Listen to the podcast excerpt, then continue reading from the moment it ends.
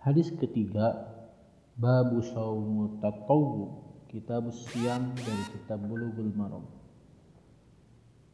An Abi Sa'id al-Khudri radhiyallahu anhu qala Qala Rasulullah sallallahu alaihi wasallam Ma min 'abdin yasumu yawman fi sabilillah illa ba'ada Allah bidzalika al-yawm an wajhihin naru sab'ina kharifan. Muttafaqun alaih wa lafdhu li muslim.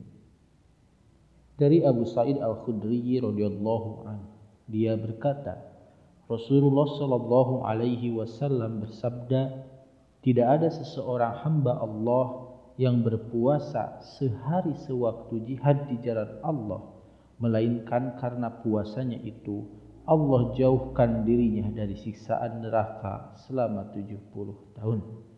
Hadis riwayat muttafaq alaih dan lafaz ini adalah lafaz Imam Muslim.